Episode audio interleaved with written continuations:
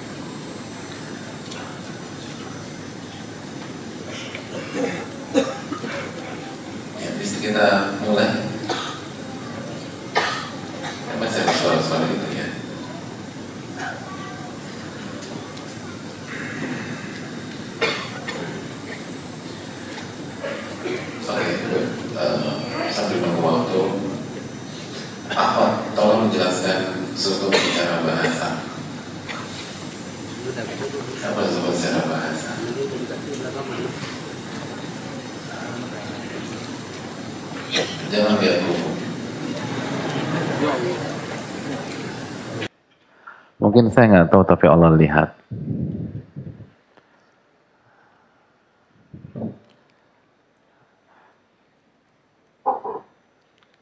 Apa zuhud secara bahasa? Hmm? Waalaikumsalam warahmatullahi wabarakatuh. Lihat buku nggak ngomong-ngomong? Hah? Namanya siapa Mbak? Enggak. Tidak. Dua menit yang lalu lihat buku. Oke. Oh, Masya Allah. Ya, silakan.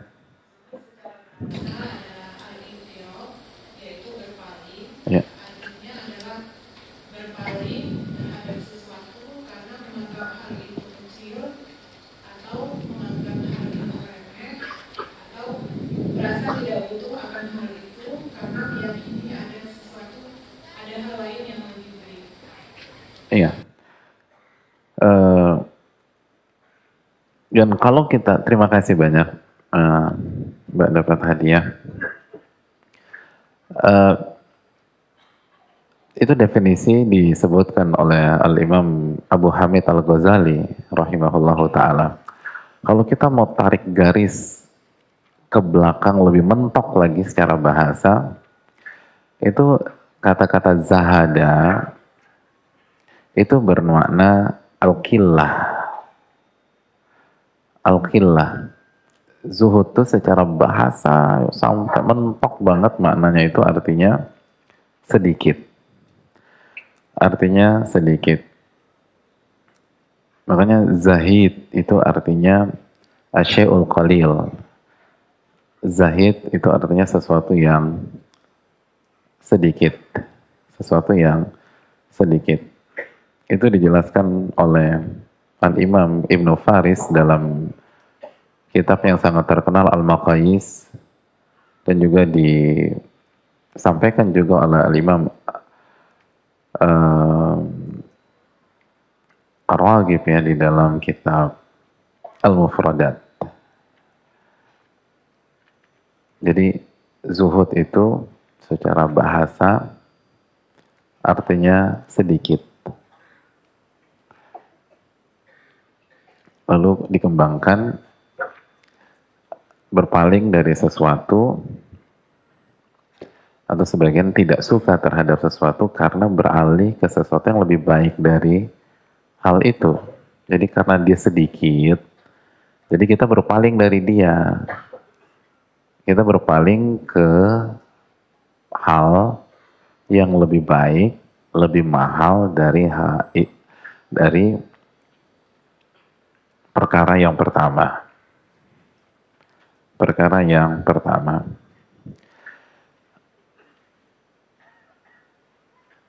Jadi sekali lagi, zuhud itu apa? Sedikit. Zuhud itu sesuatu yang sedikit.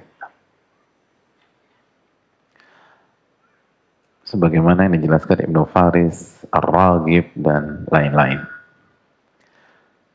Kenapa Al-Imam Al-Ghazali menyatakan demikian? Karena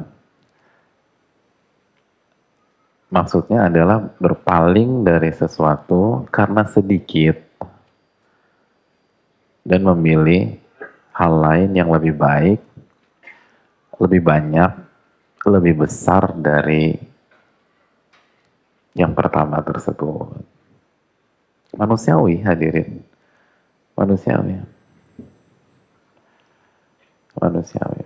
Jadi kalau antum ditawarin, ada ada dua amplop, satu amplop 100 ribu, satu amplop lagi 100 dolar. Antum pilih yang mana? Ah? Antum pilih yang mana? Pilih mana? 100 dolar. Berarti antum zuhud. Masya Allah. Zuhud antum. Ah. Ada dua wanita. Yang satu uh, dua-duanya sama-sama mandiri dan baru hijrah misalnya. Yang satu salarinya 20 juta. Ini akhwat 20 juta. Yang kedua salarinya 20 ribu US dollar. Antum pilih yang mana? Dua-duanya, Masya Allah. Luar biasa. Tambah pintar antum ya. Ketika kita pilih yang punya penghasilan 20 ribu US dollar dan kita berpaling dari yang penghasilannya 20 juta, maka itu zuhud. Itu zuhud. Ngerti nggak nih hadirin? Gitu. Tapi secara bahasa, zuhud secara bahasa. Tapi nanti ada korelasinya loh hadirin. Sangat erat. Jadi yang penting antum ngerti dulu hal ini. Karena kita sering, lo harus zuhud lo bro. Lo harus zuhud, zuhud. Lo nggak zuhud. Nah zuhud itu apa sih? Zuhud itu sesuatu yang sedikit Nah, diartikan berpaling dari sesuatu karena sedikit ke hal yang lebih baik dan lebih banyak, lebih besar dari yang sebelumnya. Jelas ini hadirin sekalian? Masya Allah. Ya. Itu secara bahasa. Adapun secara istilah, ada yang bisa bantu saya menyebutkan dari ujung pojok sana? Ada yang bisa nggak? Nggak boleh lihat buku. Buku dia maupun buku temannya. Hmm? Antum, secara istilah apa artinya?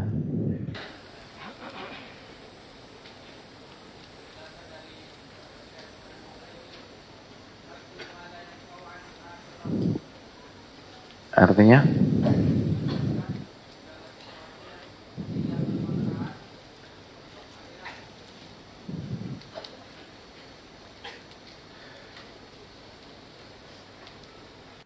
Iya.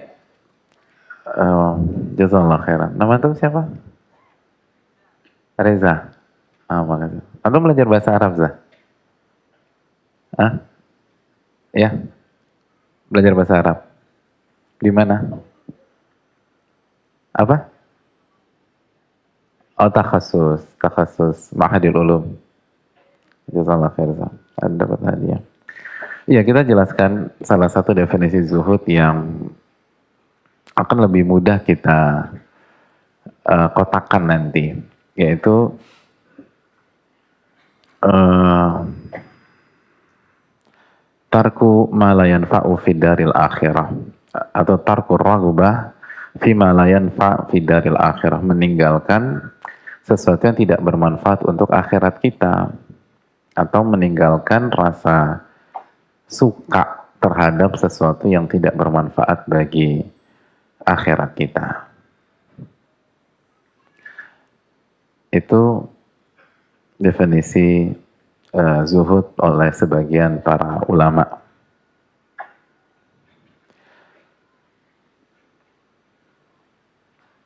Kenapa masih bunyi begini ya? Ada kendala apa sih, uh, panitia?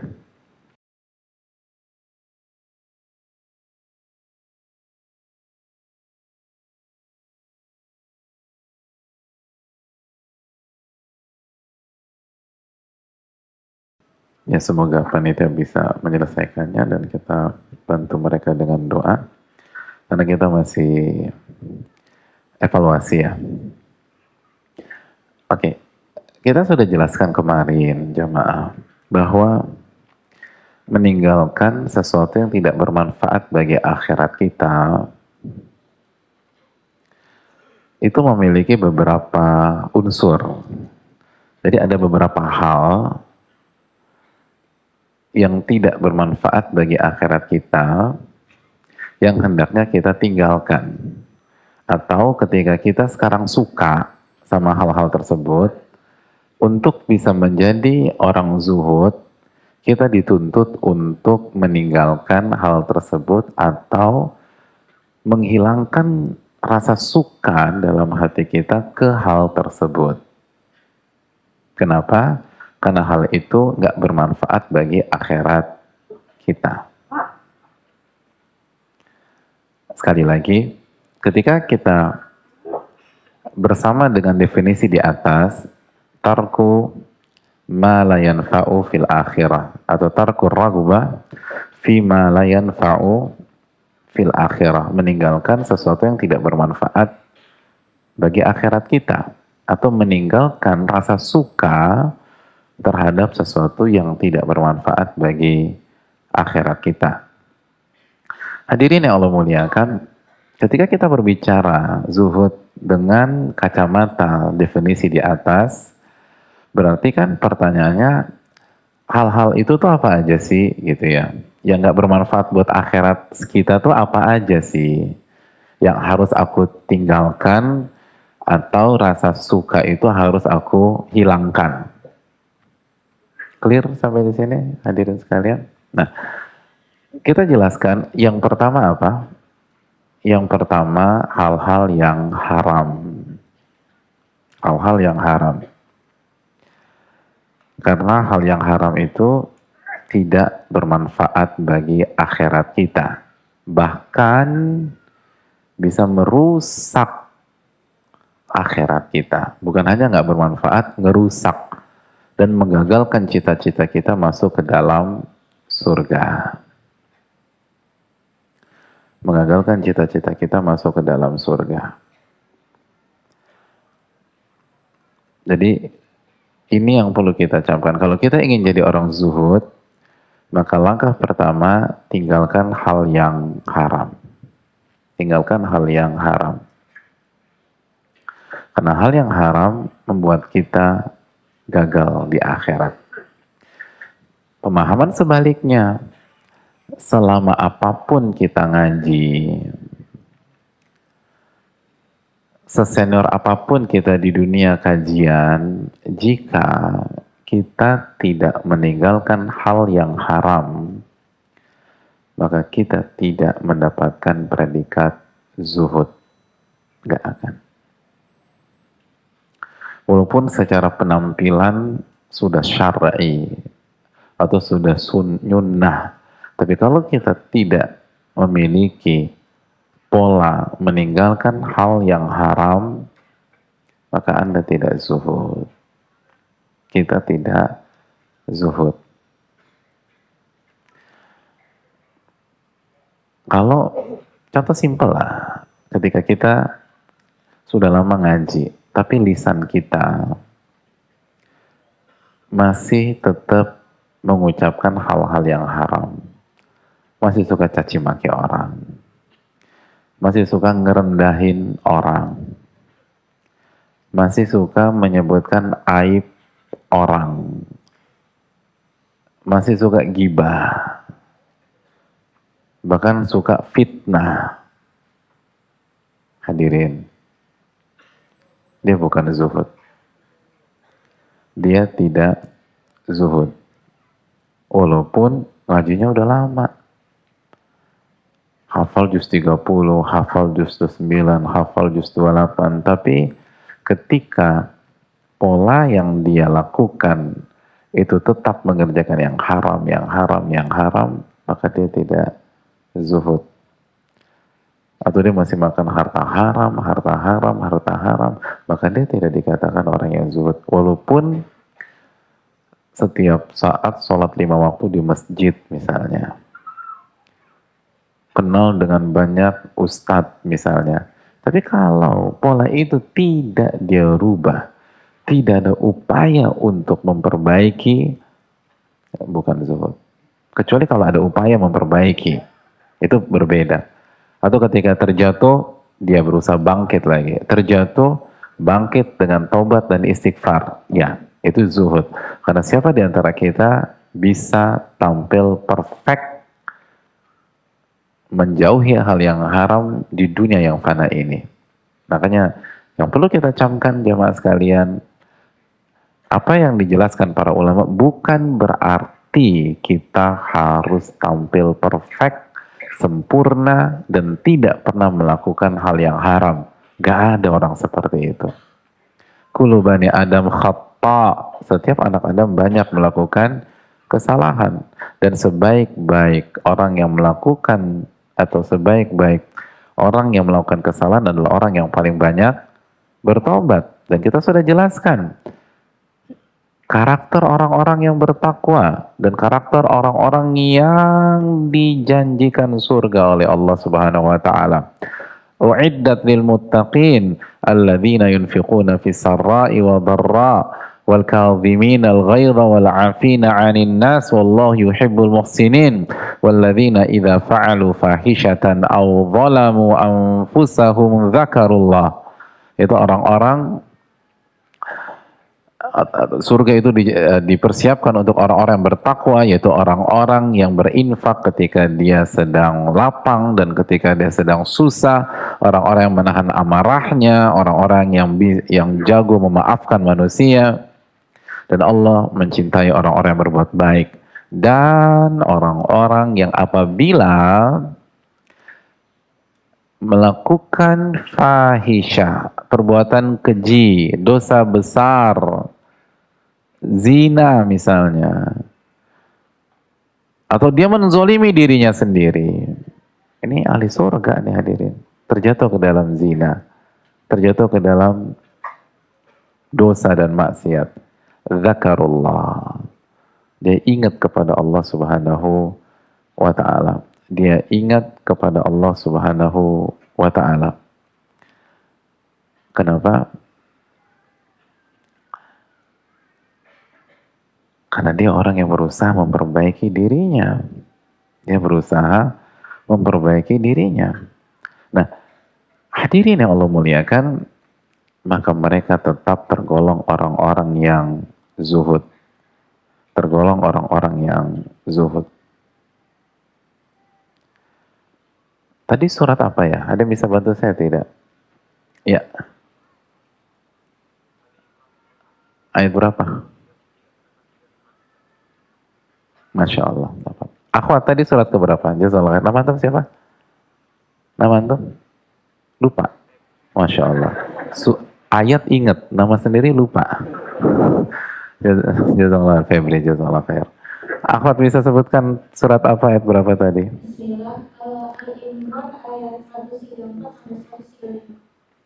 Ya, akhir 133, 134, 135. Jazakallah khair.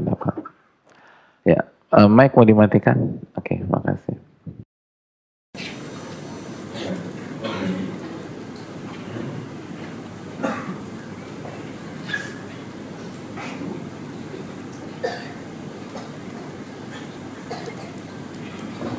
Cek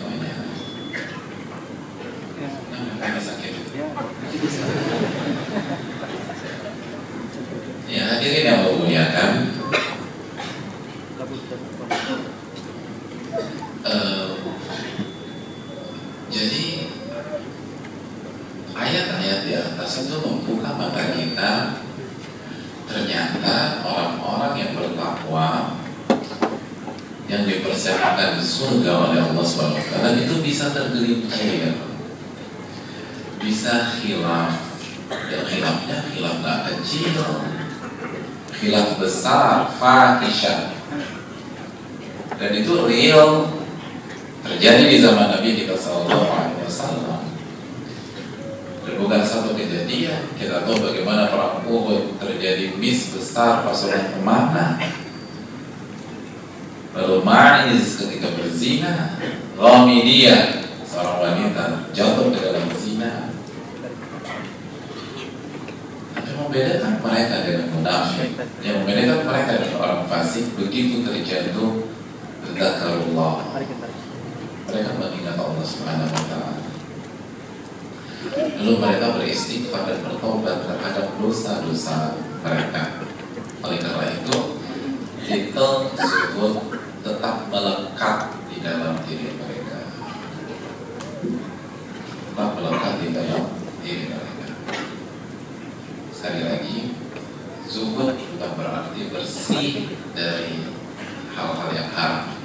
Namun, zuhud adalah orang yang punya niat, spirit, usaha, dan pola untuk mengadakan tidak ada hal yang haram dan berusaha menjauhi hal yang haram.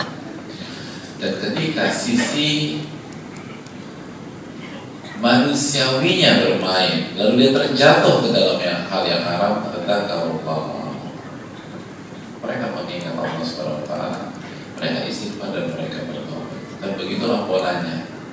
Makanya kata Imam Ibnu Qayyim rahimahullah, taubat adalah kewajiban seumur hidup kita. Itu hal yang pertama untuk jadi orang surga. Hal yang kedua, jemaah sekalian, hal yang kedua dari hal-hal yang tidak bermanfaat untuk akhirat kita, kata para ulama, hal-hal yang hukumnya makruh itu nggak bermanfaat bagi akhirat kita. Maka orang yang zuhud berusaha menghindari hal-hal yang makruh, hal-hal yang hukumnya makruh, tidak haram, tapi dia nggak bermanfaat aja buat diri dia, tidak di akhirat dia. Maka orang-orang yang zuhud dia berusaha meninggalkan yang makruh. Yang ketiga jemaah sekalian, apalagi yang gak bermanfaat buat akhirat kita. Yang ketiga, kata para ulama, fudulul mubahat, hal-hal yang mubah, tapi melebihi dosis yang kita butuhkan.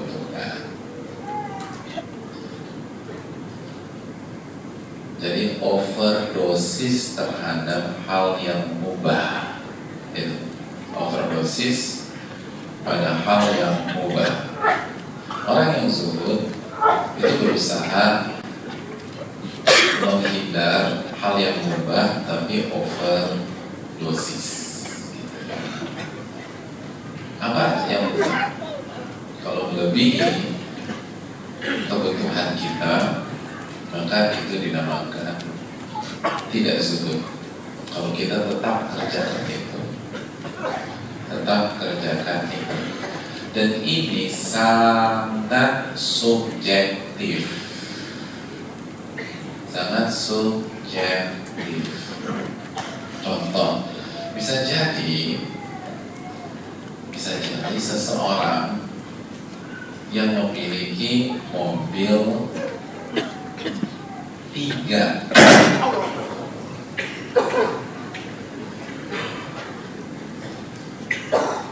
ya. atau seseorang punya mobil dua lah gitu. itu dikatakan uh, zuhud tetapi tetangganya punya mobil 15 zuhud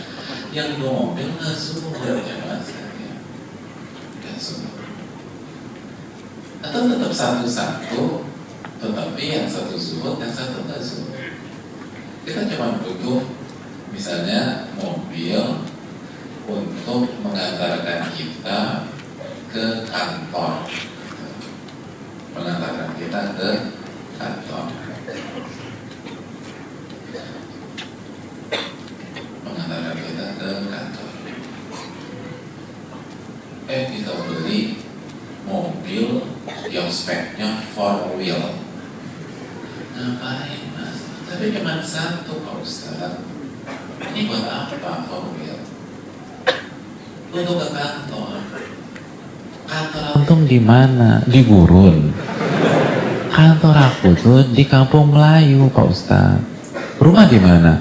Otista. Ngapain pakai four wheel. Kantor kampung Melayu rumah Otista. Itu tiarap aja nyampe.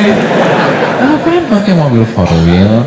Kecuali kalau kantornya di Gurun Sahara. Ah itu four wheel jangan di Avanza beli yang four wheel. Baru oke gitu jamaah jelas ya jamaah sekalian ya. Jadi fudurul mubahat itu sangat subjektif gitu. Dan ini kias apa terapkan di semua barang-barang kita yang mubah hadirin. Handphone nah ini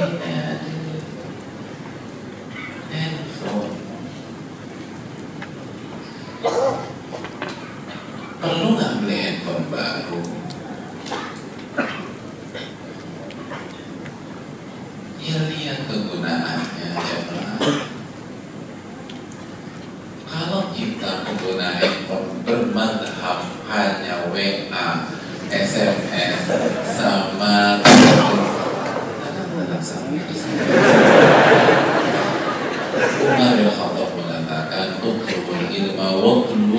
Watlubu il ilmi sakinah Anda harus pelajari ilmu Dan pelajarilah sikap tenang dengan ilmu Anda Tenang ya Pak sekalian. Bisa tenang Oke Sampai mana tadi kita? Oh ya, mantap kita cuma WA, SMS, sama internet gratis. Ya ngapain beli handphone kameranya ada tiga begitu? Bisa. Kan gitu. Tapi ini bukan kesalahan handphonenya dan kita nggak punya masalah dengan pabrikannya. Kalau memang anda butuh untuk kerjaan misalnya, udah beli. Jangan tiga, yang tujuh anda beli.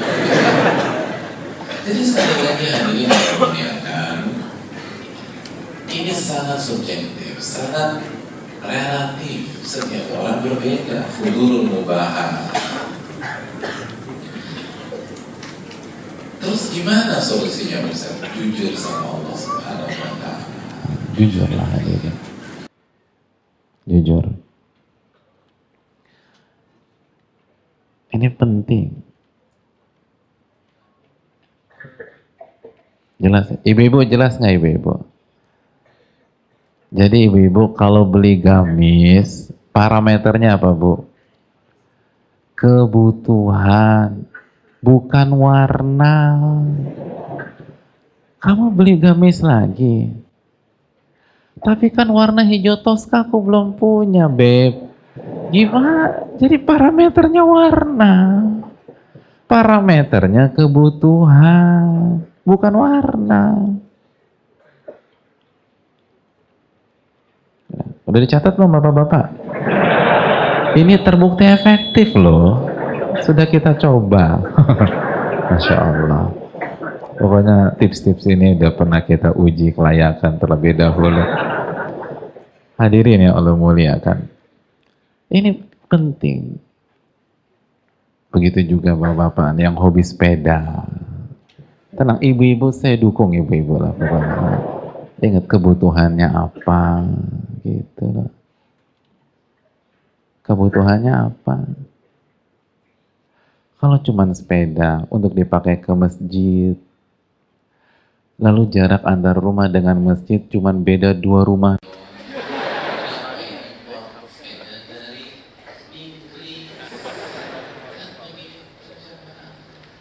Ngapain diimpor tuh? Masya Allah. Kan gitu jamaah sekalian.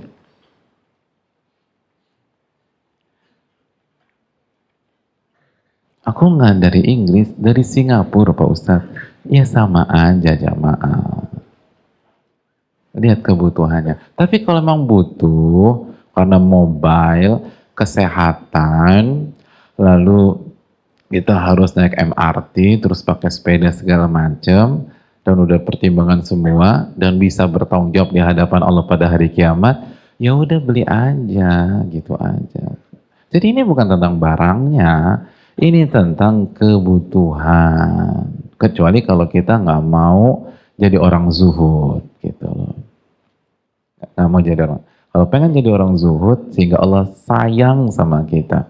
Izhad fid dunya yuhibbakallah. Zuhudlah terhadap dunia, nanti Allah cinta deh sama Anda. Maka hadirin yang Allah muliakan, ini yang harus kita wujudkan jaga diri dari hal-hal yang mubah, yang berlebih-lebihan.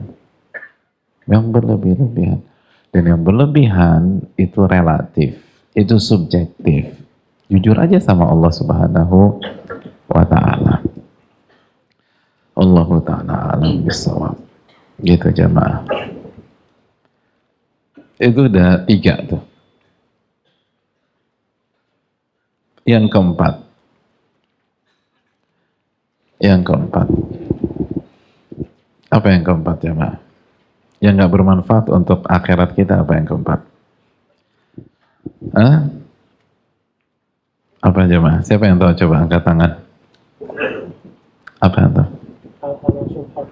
Hah? Hmm. Bisa dilengkapi nggak? Dikit lagi, dikit lagi. Ah?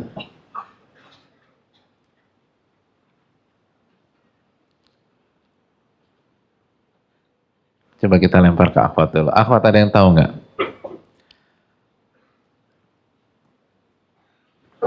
Yang keempat apa?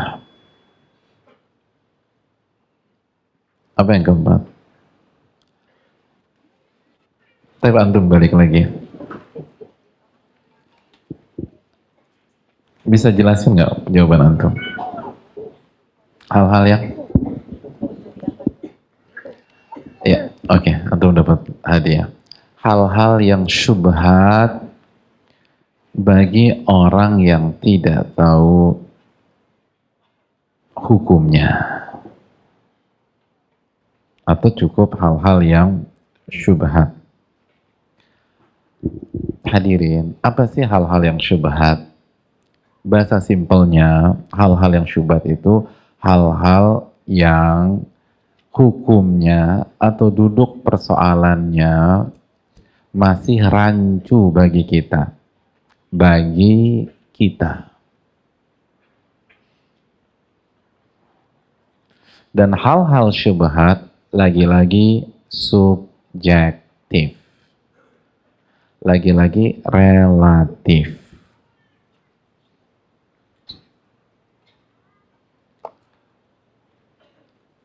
Syubhat bagi kita belum tentu syubhat bagi orang lain. Syubhat bagi kita bukan berarti syubhat bagi ustadz kita misalnya. Atau sebaliknya. Syubhat bagi ustadz kita belum tentu syubhat bagi kita karena kita dengar keterangan dari ustadz yang lain misalnya. Jadi Setiap masalah atau setiap hukum, ketika kita mengerti duduk persoalannya, hukumnya apa, clear, maka itu bukan syubhat. Tapi kalau kita rancu, aduh, ini halal apa haram ya? Terus dengar teman-teman ada ada yang bilang haram lah, ada yang bilang halal lah, bingung nih kita nih. Maka itu syubhat. Gimana sikap seorang muslim? Tinggalkan. Walaupun secara substansi secara objektif ketika diteliti lagi ternyata hukumnya halal-halal aja hadirin. Ternyata halal nih hukumnya. Ternyata halal. Tapi pada saat kondisi rancu tersebut, Anda tidak boleh kerjakan itu. Gitu loh. Jadi ketika rancu, tinggalkan. Contohnya, apa hukum misalnya seorang laki-laki pakai baju sutra yang persentasenya misalnya 30%. Aduh, bingung. Ada yang bilang boleh, ada yang bilang nggak boleh. Berarti ini syubhat bagi Anda. Maka tinggalkan sampai benar-benar clear gitu loh. Sampai benar-benar clear, jelas. Apakah halal, apakah haram. Dan yang lain Begitu juga kasusnya. Dalilnya apa? Dalilnya hadis Bukhari Muslim. Wa man waqa'a fi syubhat waqa'a fil haram. Barang siapa yang terjatuh ke dalam perkara syubhat, maka dia terjatuh ke dalam perkara yang haram. Gitu hadirin. Itu berarti hukum mengerjakan perkara yang masih syubhat tidak boleh. Dan sangat subjektif. Kita nggak boleh, eh kita lihat teman kita ngerjain. Oh, lu nggak boleh, lo ini syubhat. Enggak, gue udah clear kok. Kemarin ikut dorok, clear ini semua masalah. Maka dia boleh, Anda nggak boleh. Sampai clear dulu. Dan Nabi katakan juga di hadis yang sama, Faman ittaqa syubhat faqad istabra ali dinihi wa irdih. Barang siapa menjaga dirinya dari syubhat, maka dia telah menjaga kemurnian agamanya dan menjaga kehormatannya. Jadi itu poin yang keempat. Syubhat tidak bermanfaat buat akhirat kita. Syubhat tidak bermanfaat bagi akhirat kita. Kenapa? Karena haram. Berarti buat masalah nanti di akhirat. Dan simpel aja, satu saat insya Allah kita akan bahas ini lebih lanjut, tapi poinnya syubhat adalah perkara yang masih rancu, belum jelas hukumnya, bagi kita bisa jadi halal, bisa jadi haram. Maka terlepas apa hukumnya, pada saat kondisi kerancuan tersebut kita tidak boleh kerjakan itu. Kata Nabi kita Shallallahu Alaihi Wasallam wa man waqa'a fi syubhat waqa'a fil haram. Barang siapa yang terjatuh dalam perkara syubhat maka dia terjatuh ke dalam perkara yang haram. Artinya nggak boleh dia kerjain. Hadis Bukhari dan Muslim. Walaupun sekali lagi bisa jadi ketika dicek di masa yang akan datang atau ketika dia pelajari babnya ternyata hukumnya boleh. Gitu. Kenapa syubhat tidak boleh dikerjakan padahal bisa jadi hukumnya boleh? Sebagian para ulama mengatakan karena untuk menja untuk melatih mental kita karena jika kita sudah terbiasa mengerjakan pekerja eh, hal-hal yang syubhat, maka berikutnya kita akan gampang mengerjakan hal yang haram. Karena pola itu bertahap syubhat dulu. Udah syubhat terbiasa, baru berikutnya masuk ke yang haram. Dan sebaliknya, kalau kita melatih mental kita untuk mengatakan tidak pada syubhat, maka kita akan lebih kuat untuk mengatakan tidak pada yang jelas-jelas haram.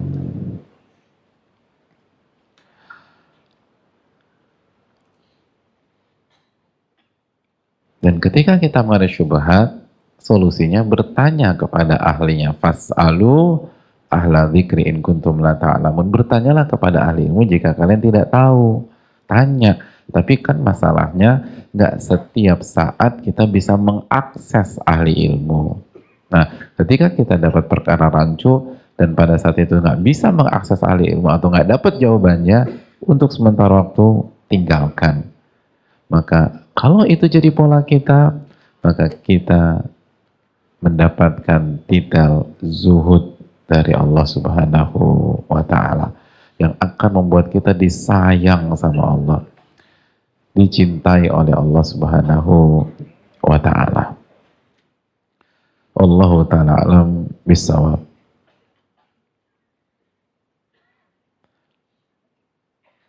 Hadirin yang Allah muliakan, di luar nggak bisa dengar suara saya ya? Di luar. Nggak bisa masuk lagi. Astagfirullahaladzim. Astagfirullahaladzim. Allah, oke. Nggak ada. Ini hanya masuk ke mana? Hanya di dalam saja. Live streaming nggak ada di luar, nggak ada. Nggak bisa masuk lagi jam yang di luar. Nggak bisa. Bisa tafassahu wa tawassau. Bisa nggak kita merapat? Lapangkan, nanti Allah lampangkan hidup kita di jamaah. Samping saya juga masih kosong nih kalau mau. Saya juga mau. Eh, kalau mau. Gitu. Ya, ya, ya, Masya Allah.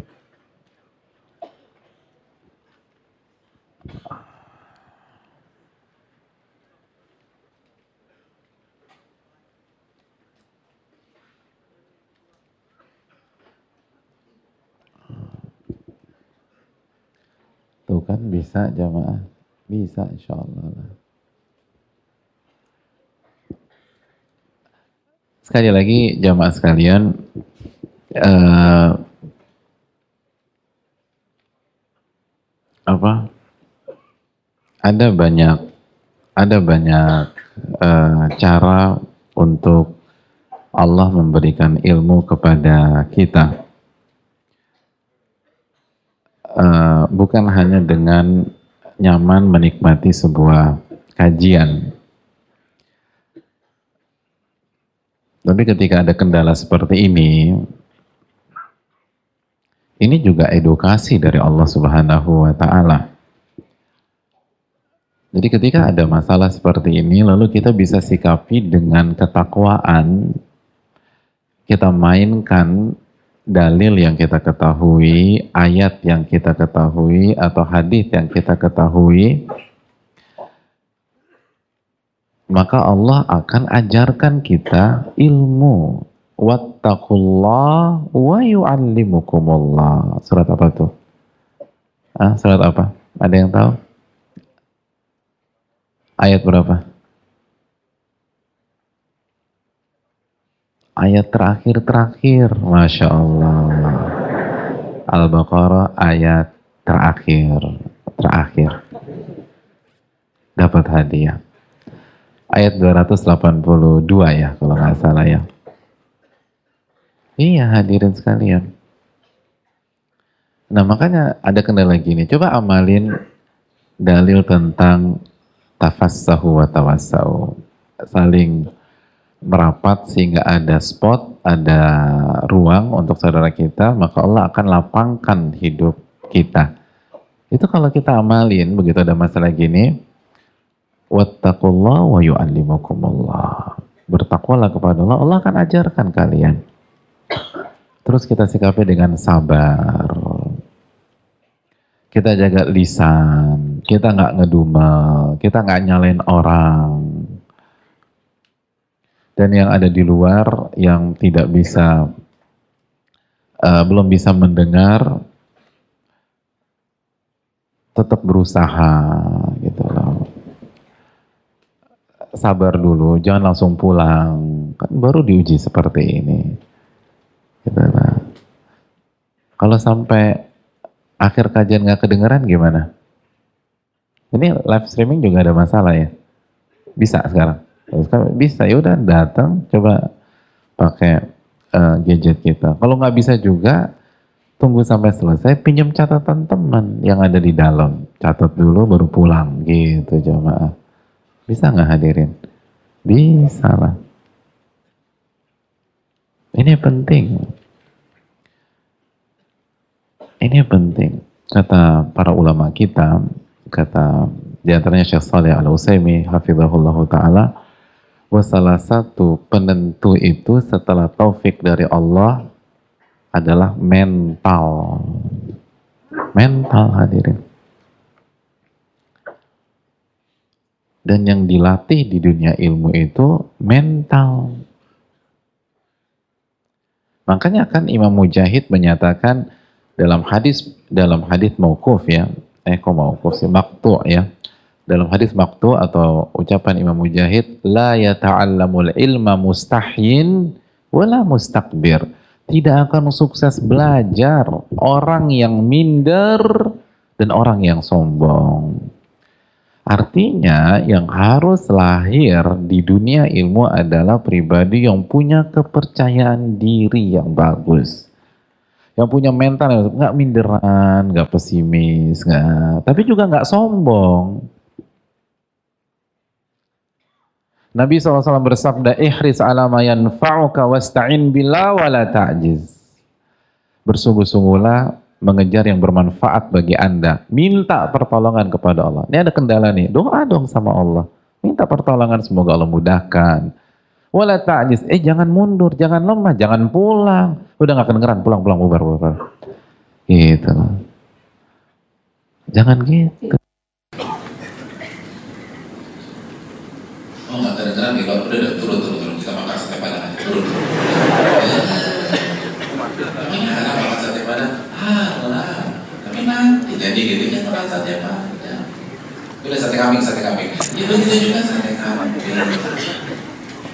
Nabi kata wala ta'jiz, eh jangan lemah, jangan dikit-dikit mundur, dikit-dikit down, dikit-dikit ada ribetnya pulang pulang pulang. Ini bukan tentang aja ini tentang mentalitas. Kalau kita memiliki atau kalau majelis ilmu melahirkan mental yang kuat maka mental itu akan kita bawa pulang ke rumah.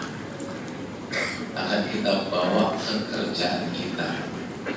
Kita akan bawa ketika kita ketemu klien ketika kita bawa ketika kita ketemu dengan orang-orang satu komplek. Kuat jangan jangan remehkan ini makanya sekali lagi semua positif. Aja bagi amri mu'min kull inna inna inna amru kullahu khair. Menakjubkan perkara seorang mukmin semuanya baik kata Nabi SAW in asabatu sarau syakar fakana khairan lah. Apabila dia diberikan kesenangan, kenikmatan, kelapangan. Lalu dia bersyukur, maka itu yang terbaik buat dia. Wain asabathu dharra sabar. Fakana khairan lah. Dan kalau dia diberikan kesulitan, dia diberikan masalah, sobar.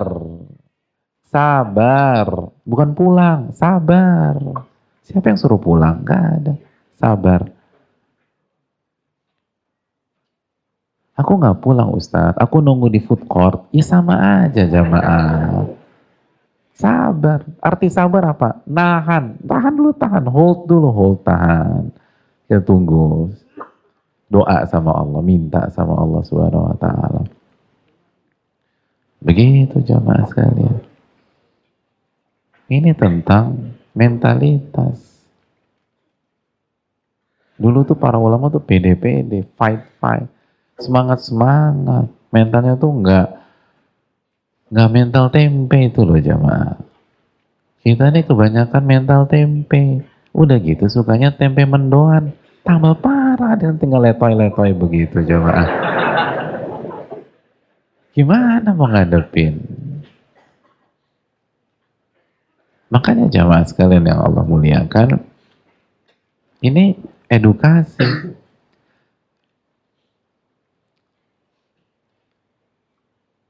Ini kan latihan menghadapi kondisi yang tidak sesuai dengan ekspektasi kita. Kita kita punya ekspektasi nih kajian lancar, nyaman, segala macam, suara jernih. Oke, latihan. Nggak pakai, nggak ada ekspektasi seperti itu. Nggak terjadi ekspektasi seperti itu. Bisa nggak sabar? Bisa nggak doa sama Allah? Bisa nggak tawakal kepada Rabbul Alamin? Atau lisan ini mulai bergumam, lalu hati ini mulai gundah, Lalu kita memilih plan B, plan C yang berkaitan dengan duniawi. Kan begitu jemaah. Wattaqullah wa yu'allimukumullah.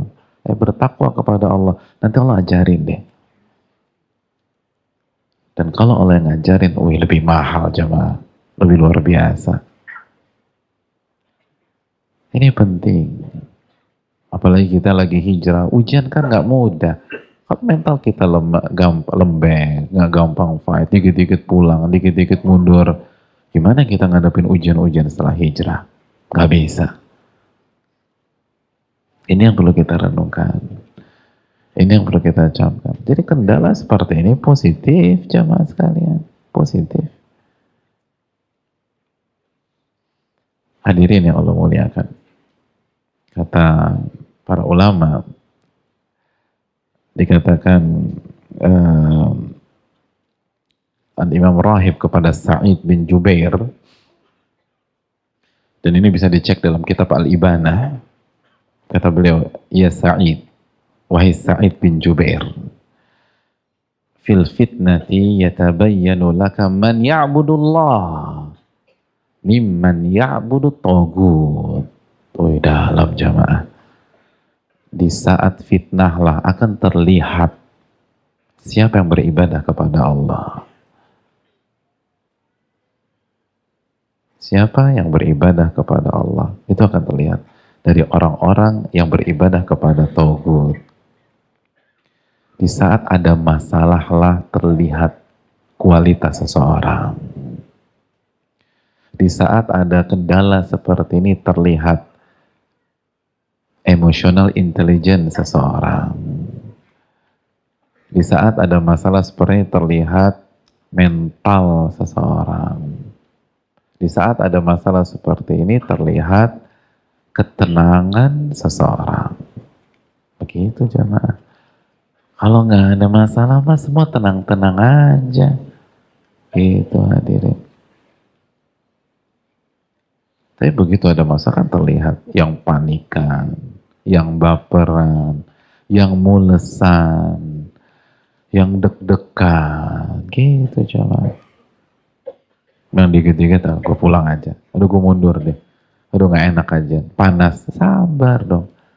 Kalau kita kepanasan di luar, harusnya pola pikir kita, pekan depan gue harus duduk di dalam. Gitu. Bukan nggak benar nih kajian nih. Fasilitasnya nggak nggak memenu nggak sesuai dengan kapa nggak sesuai dengan jamaahnya. Udah kita pulang aja. Gitu. harusnya kan ini mencambuk kita. Pekan depan harus duduk depan biar nggak kepanasan lagi. Pekan depan harus datang lebih awal biar apa pun kendalanya gue bisa dengar ustadznya ngomong apa gitu. Kan gitu hadirin. Nah, kalau qadar Allah, ini semua mati dan saya tetap bicara. Yang depan-depan sini dengar nggak? Dengar ada. Yang lain pada bubar dah. Ini dengar tetap. Jadi gimana caranya? Apa pun kondisi sound system, saya harus dengar gitu kan jemaah. Begitu hadirin yang Allah muliakan. Jadi berpikir tuh ke depan. Bukan dikit-dikit, aduh mundur, mundur. Udah gak enak. Anak. Anak-anak nangis, Pak. Bi, anak-anak nangis, Bi. Udah di Ka'bah, Bi. Gak kedengeran, Bi. Udah kita pulang, Bi. Cari soto ayam, Bi. Jangan dikit-dikit soto ayam. Sabar. Anak nangis wajar. Kenapa apa nangis? Gak usah bingung. Anak hilang bingung wajar. Nangis kenapa bingung? Biarin aja, nanti juga diem tuh anak. Cuman orang pertanyaannya kapan dia diem itu memang. Tapi kan namanya nangis pasti insya Allah diem. Itulah hadirin sekalian. Nah ini penting nih. Dan nggak apa-apa kita uh, materi tadi kita break sejenak terus kita ingatkan masalahnya karena ini penting. Kan ilmu itu harus aktual. Begitu ada masalah, ya udah kita bicara masalah ini. Itu hadirin yang Allah uh, muliakan. Jadi tetap aja datang. Nggak kedengeran nih misalnya tadi walaupun kita udah tafassah wa tawassau tetap aja nggak bisa uh, membuat seluruh yang ada di luar bisa masuk ke dalam dan di luar masih nggak kedengeran tetap aja coba bertahan gitu. Apa masalah dengerin streaming, tapi tetap fisik kita ada di sini, biar kita dapat rahmat dari Allah Subhanahu Wa Taala. Karena kan majelis ilmu dirahmati sama Allah. Wahafathumul malaika, lalu dinaungi oleh malaikat-malaikat Allah. Lalu Allah banggakan yang hadir di majelis ilmu di hadapan malaikatnya. Wa dzakarallahu fi man indah. Allah kan sebutin tuh siapa aja yang hadir. Kalau kita pulang nggak jadi deh udah nggak disebutin sama Allah Subhanahu wa taala. Jadi ini jamaah sekalian yang harus kita camkan dan ini penting. Kendala itu dihadapi jamaah. Jangan mundur. Tapi dihadapinya jangan pakai otak sendiri. Jangan pakai kekuatan sendiri. Ingat sabda Nabi, Wasta'in billah. Mintalah pertolongan kepada Allah. Doa sama Allah. Doa kepada Allah Subhanahu wa taala. Ini panitia-panitia yang lagi yang apa? yang bertanggung jawab dalam masalah ini jangan hanya sibuk ngurusin kabel segala macam angkat tangan doa sama Allah Jalla wa'ala minta agar Allah mudahkan baca doa Allah la sahla illa ma ja'altahu sahla Wa anta tajalul hazna idha syi'ta sahla. Ya Allah, tidak ada kemudahan kecuali yang engkau buat mudah. Dan sesuatu sesulit apa pun, kalau engkau buat mudah, itu jadi mudah. Nah, baca doa seperti itu. Allahumma la sahla illa ma ja'altahu sahla wa anta taj'alul hazna idha syi'ta sahla. Jadi itu dari sini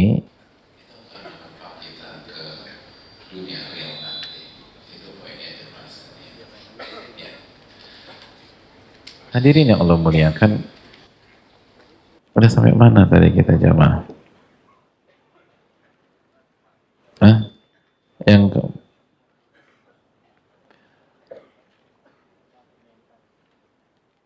Enggak, enggak. Uh, materi kita udah sampai mana? Oh ya, oke. Okay. Nah, jadi itulah gambaran zuhud. Itulah gambaran zuhud. Meninggalkan sesuatu yang tidak bermanfaat untuk akhirat kita. Jadi ini harus clear jamaah sekalian. Karena hadirin yang Allah muliakan, sebagian orang yang berhijrah karena proses hijrah itu memang butuh bertahap, sering kali dalam prosesnya itu salah paham tentang makna dan esensi dari kezuhutan. Sehingga setelah hijrah, semangat juang itu berkurang. Sehingga setelah hijrah, gak tertarik lagi untuk berkarya nggak punya semangat lagi untuk kerja keras. Lalu justifikasinya, alasannya adalah zuhud. Gitu jemaah.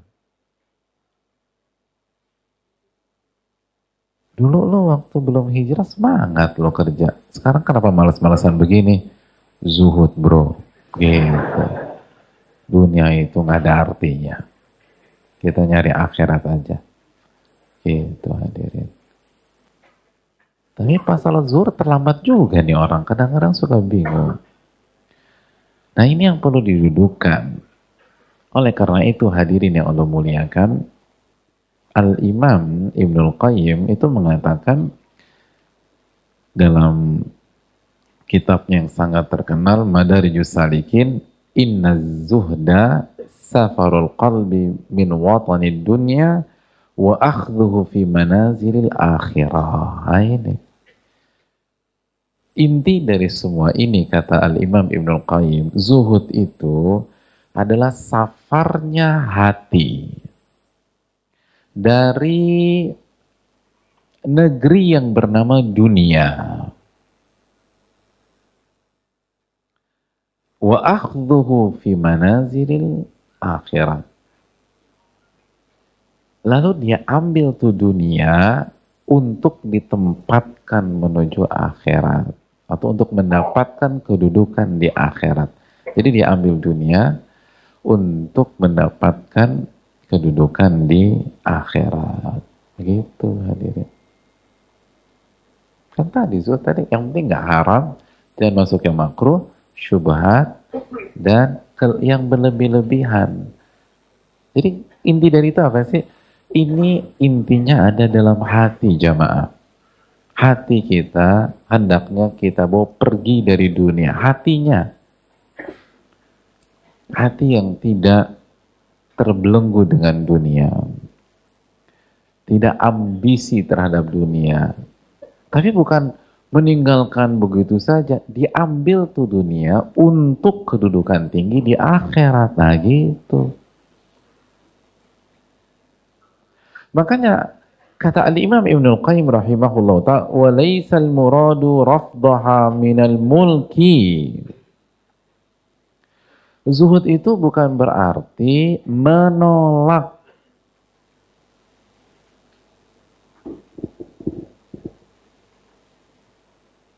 kerajaan atau kekuasaan atau kepemilikan. Lalu Ibnu Qayyim memberikan dalil Kana Sulaiman wa Dawud alaihi assalam min azhadi ahli zamanihima. Nabi Sulaiman dan Nabi Daud adalah dua sosok yang paling zuhud di masanya. Tapi di waktu yang sama kayaknya minta ampun. Sukses duniawinya luar biasa. Itu paling zuhud tuh. Kenapa tetap dinamakan orang zuhud? Karena walaupun sukses secara dunia, tapi suksesnya atau tetapi dunia itu tidak bisa merasuki hati mereka. Hati mereka sudah safar. Dan dunia yang mereka punya, mereka ambil untuk kedudukan di akhirat. Bukan untuk memuaskan nafsu duniawi lagi. Bukan untuk hobi duniawi lagi. Bukan untuk koleksi-koleksi duniawi lagi. Tapi mereka gunakan itu untuk kedudukan di akhirat.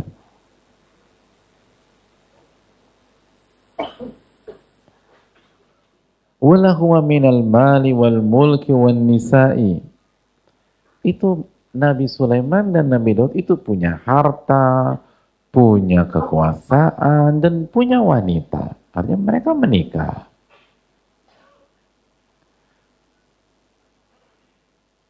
Wa kana nabiyuna min azhadil bashar alal itlaq wa lahu tis'u niswa. Lalu Ibnu Qayyim mengatakan Nabi kita tuh Nabi Muhammad SAW itu orang paling zuhud. Dan beliau memiliki istri sembilan kata beliau. Wa kana Ali bin Abi Talib. Dan Ali bin Abi Talib. Wa Abdurrahman bin Auf. Abdurrahman bin Auf. Dan Zubair dan Uthman radhiyallahu taala anhum min min az-zuhadi ma'a ma kana lahum min al-amwal. Semua itu orang-orang zuhud papan atas setelah era Nabi dan Rasul. Padahal mereka hidup dengan harta mereka. Mereka punya harta. Tapi harta itu tidak bisa menyerang hati mereka, tidak bisa merasuki jiwa mereka. Hati mereka karena sudah safar dari negeri yang bernama dunia. Walaupun wujud fisiknya masih ada di dunia dan mereka gunakan dunia mereka untuk kedudukan di akhirat. Itu zuhud jamaah. Makanya jamaah sekalian yang memuliakan, para sahabat Rasul Shallallahu Alaihi Wasallam ketika belajar dengan Nabi kita SAW, ketika berhijrah, betul ketika mereka berhijrah, mereka mulai dari nol. Abdurrahman bin Auf mulai dari nol. Hampir semua mulai dari nol. Tapi setelah itu mereka menguasai dunia.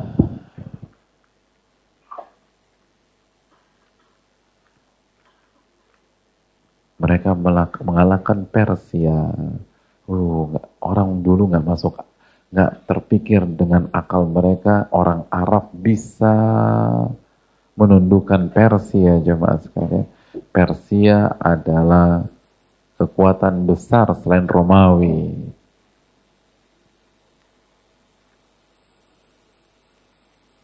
Mereka mulai dari nol ketika hijrah. Lalu setelah itu mereka bisa membuat Romawi maju mundur di perang apa?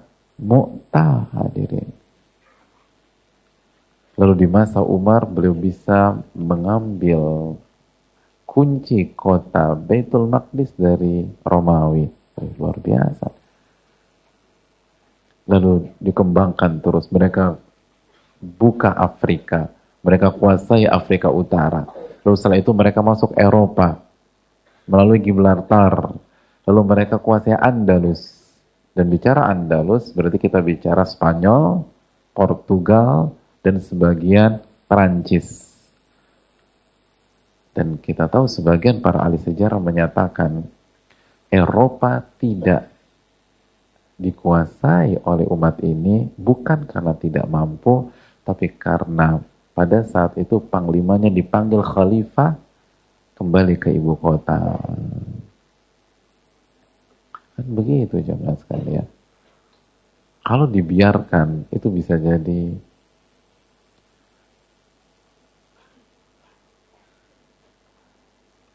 hal yang sebaliknya. Jadi ini menyadarkan kita bahwa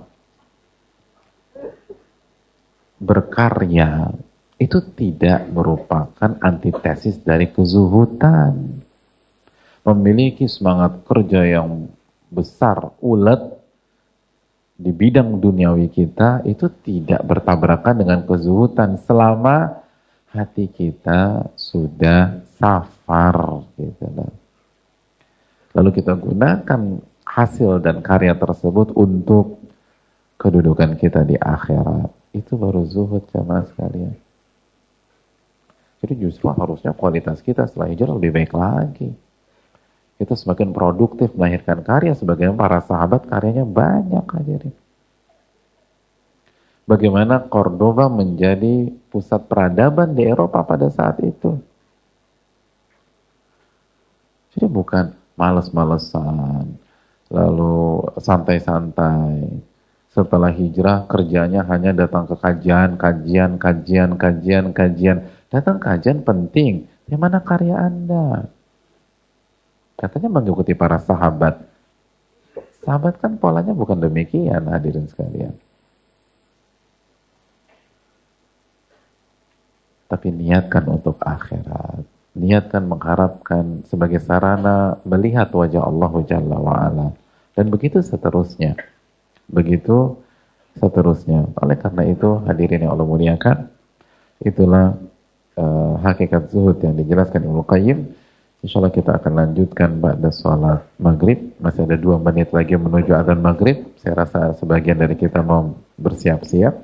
Wassalamualaikum ala nabiyina Muhammad wa ala alihi wa sahbihi juma'in. Uh, wa nastaghfirullah uh, lana wa lakum. Assalamualaikum warahmatullahi wabarakatuh. Assalamualaikum warahmatullahi wabarakatuh.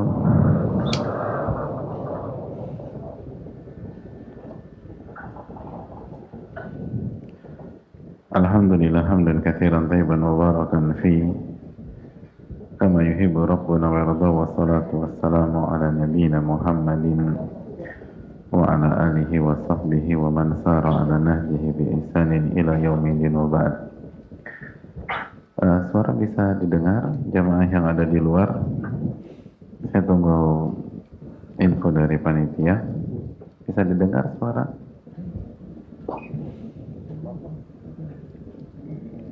Yang di Ka'bah atau yang di luar, apakah suara bisa terdengar dengan jelas?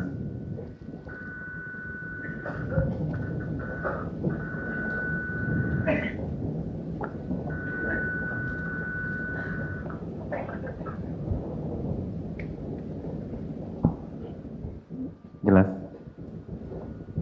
Gimana Pak Has? Aman? Apa? Insya Allah dengar apa insya Allah nggak dengar? Iya. Kedengeran ya? Tolong infokan.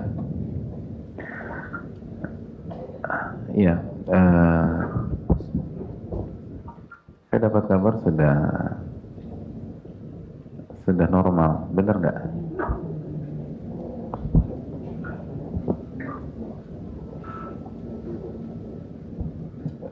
Jelas yang di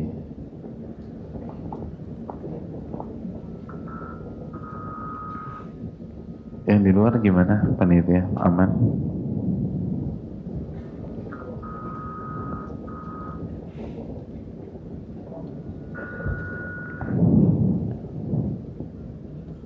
Bisa didengar? Dapat info apa antum? Di luar bisa didengar? Apa? Belum dapat info. Assalamualaikum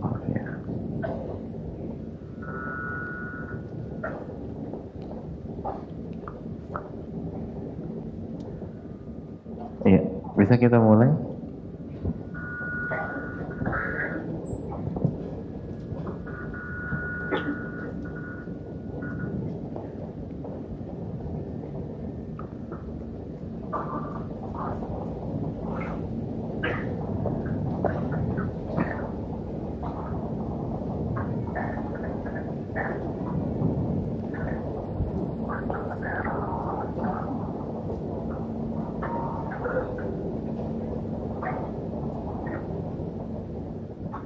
Bisa.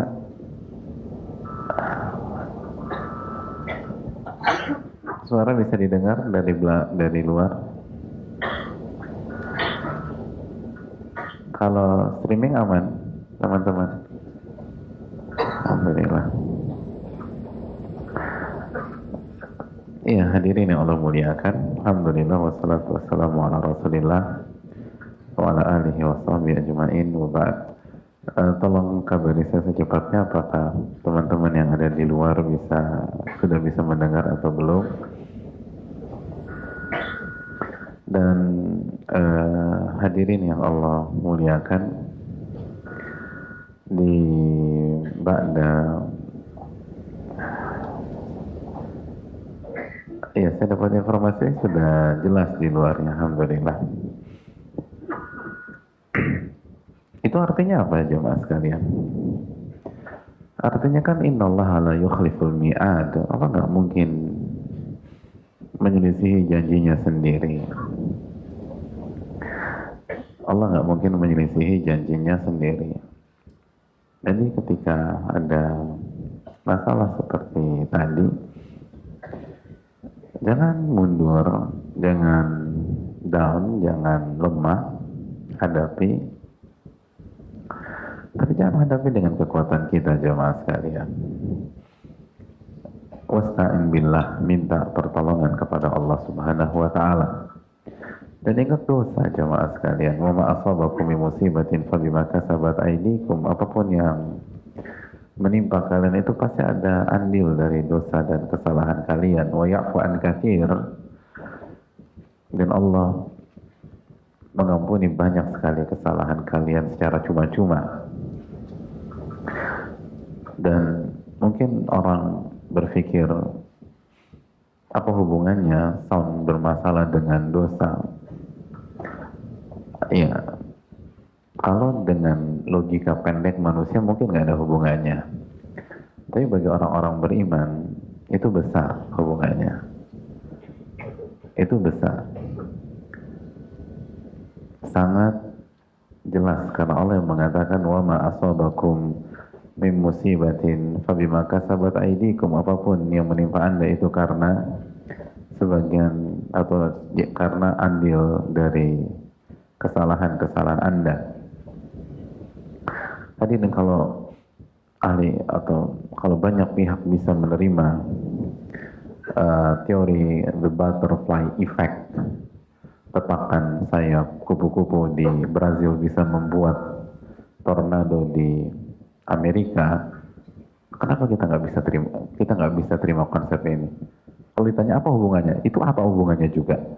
Kepakan kupu-kupu di Brazil bisa membuat tornado di uh, Amerika Serikat. Kalau itu menjadi sebuah teori, apa susahnya kita menerima teori ini? Wa ma asabakum min musibatin fabima kasabat aydikum. Apa pun yang menimpa kalian itu karena kesalahan kita. Maka begitu ada masalah istighfar kepada Rabbul Alamin. Minta ampun kepada Allah Subhanahu wa taala dan minta tolong kepada Allah Subhanahu wa taala. Dan saya mengapresiasi teman-teman yang ada di luar yang terus bertahan dan uh, tidak mundur karena begitulah mental penuntut ilmu di dunia ilmu ini. Begitulah mental Eh, penuntut ilmu di zaman dulu. Bahkan mereka lebih hebat lagi jauh lebih hebat daripada kita. Kalau kita nggak bisa bertahan dengan masalah sesimpel ini bagaimana kita bisa bertahan di masalah-masalah besar dalam kehidupan kita?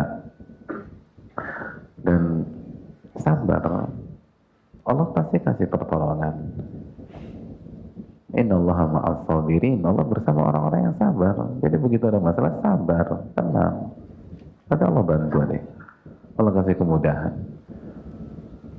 Ini sound kembali kepada seperti normal lagi dengan izin Allah Subhanahu wa taala. Dan begitulah orang yang ngaji harus bermain hadirin sekalian. Harus berpikir. Jangan sampai kita hanya ikut kajian dengan fisik kita saja. Dengan penampilan kita tapi pemikiran nggak ada bedanya dengan orang yang tidak pernah mengkaji Al-Quranul Karim dan hadis Nabi Shallallahu Alaihi Wasallam. Ingat para ulama mengatakan seperti Syekh Salih Utsaimin beliau menyatakan litalibi hayatun khassah. Penuntut ilmu itu punya pola hidup yang berbeda, punya cara berpikir yang berbeda, punya sudut pandang yang berbeda. Dan para ulama mengatakan dan ini juga ucapan dari Syekh Saleh Utsaimin hafizahullah taala majalisud dars masaniul aql. Majelis-majelis ilmu adalah tempat untuk membangun akal sehat yang benar membangun kerangka berpikir yang benar, membangun paradigma berpikir yang benar. Membangun paradigma berpikir. Paradigma berpikir orang yang belajar tidak boleh sama. Kul hal yastawi alladzina ya'lamun walladzina la ya'lamun. Apakah sama orang yang mengetahui dan orang yang tidak mengetahui? Apakah sama orang yang belajar dengan orang yang tidak belajar? Apakah sama sikap orang yang belajar menghadapi masalah sound system dengan orang yang nggak pernah belajar ketika menghadapi masalah sound system? Beda coba. Boleh sama. Beda.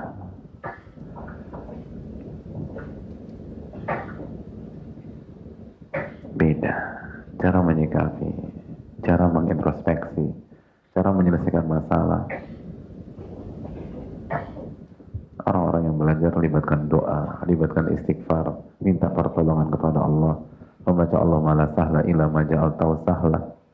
Kan orang yang belajar menggunakan logikanya, analisanya.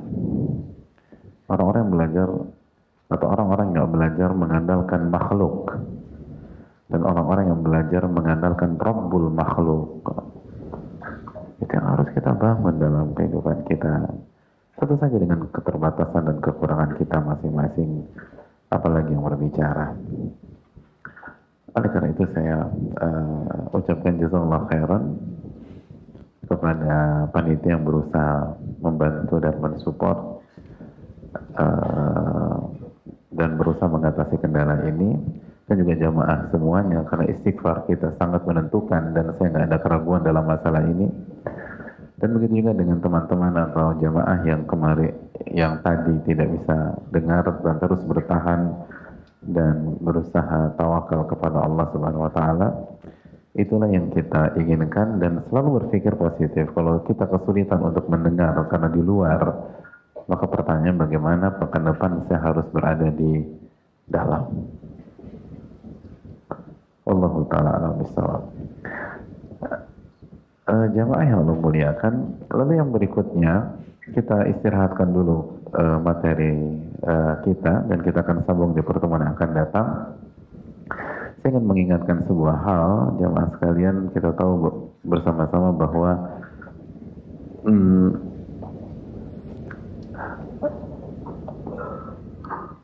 salah satu uh, isu keseharian pada hari-hari ini atau beberapa pekan ini adalah masalah hujan dan banjir. Dan uh, saya tahu ada banyak di antara kita yang menjadi korban uh, musibah banjir beberapa waktu yang lalu dan semoga uh, Allah memberikan terbaik di hari-hari ke depan karena kita tahu curah hujan masih uh, lumayan di ibu kota dan sekitar.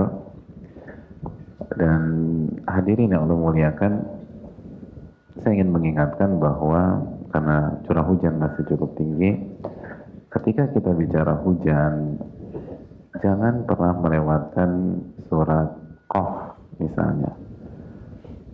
Ayat ke-9 wa nazzalna minas sama'i ma'an mubarakah kami telah menurunkan air hujan dari langit sebagai keberkahan buat kalian. Air yang berkah. Air yang berkah. Dan musibah pada hari-hari ini dan sebagian di antara kita itu belum balik ke rumahnya itu tidak serta-merta menghapus ayat ini. Ayat ini terus ada sampai menjelang hari kiamat baru setelah itu Allah angkat ayat tersebut. Ayat ini tetap ada, nggak bisa kita hapus dari Al-Quran, nggak bisa kita hilangkan dari surat Qaf. Wa nazzalna minas sama'i ma'an mubarakah dan kami turunkan air yang penuh berkah dari dari langit walaupun misalnya seisi rumah kita habis di banjir kali ini. Itu kebanjiran nggak jangan sekalian? Enggak ya? Oh, langsung buka sesi tanya jawab aja kalau begitu? Nggak banjir.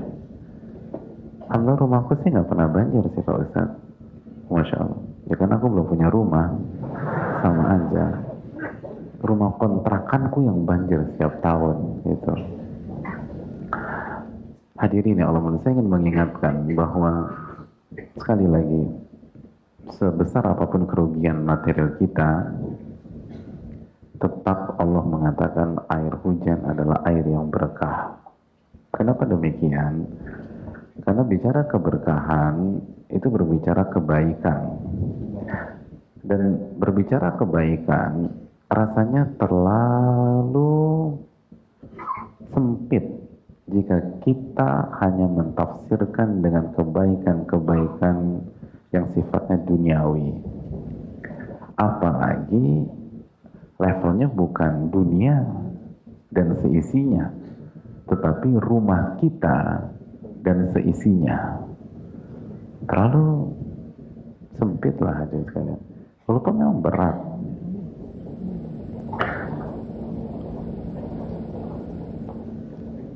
Karena berbicara tentang keberkahan, bicara tentang kebaikan. Dan ada banyak kebaikan yang lebih besar daripada materi dunia. Makanya orang-orang beriman itu membaca doa apa jamaah? Dalam hadis Tirmidzi, "Wala taj'al musibatana fi dinina." Ya Allah, jangan sampai musibah kami itu menyerang agama kami. Kita harus punya pola pikir seperti ini hadirin. Jangan sampai musibah kita itu menyerang agama kita. Itu yang ditakutkan orang-orang beriman, menyerang agama hadirin. Contoh misalnya, satu isi rumah habis. Jangan sampai musibah kerugian satu rumah itu membuat kita buruk sangka kepada Allah. Karena begitu kita buruk sangka kepada Allah, kenapa saya dikasih musibah gini? Setelah hijrah, musibah bertubi-tubi. Apa salah saya ya Allah? Tanya lagi apa salah saya? Ya banyak salah anda mas. Tapi buruk sangka sama Allah Subhanahu Wa Taala. Begitu kita buruk sangka, itu musibah nyerang agama aja mbak. Nyerang agama. Tapi kalau motor aja yang kerendam, itu belum agama, jamaah. Itu dunia. Tapi begitu kita mengumpat Allah, karena mobil kita tenggelam di garasi kita sendiri, itu nyerang agama. Begitu kasur hanyut, itu nggak nyerang agama, itu nyerang dunia kita hadirin. Tapi begitu kita ribet, riwah menyelamatkan barang-barang di rumah sehingga kita nggak sholat subuh itu nyerang agama.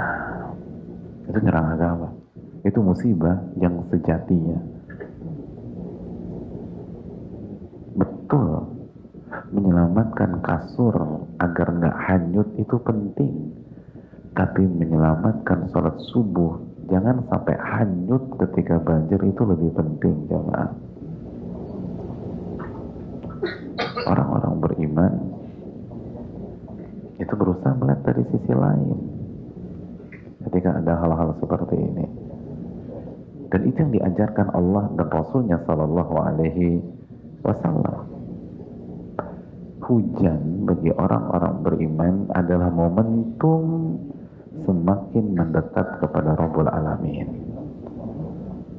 Hujan itu jembatan agar kita semakin yakin kepada Allah.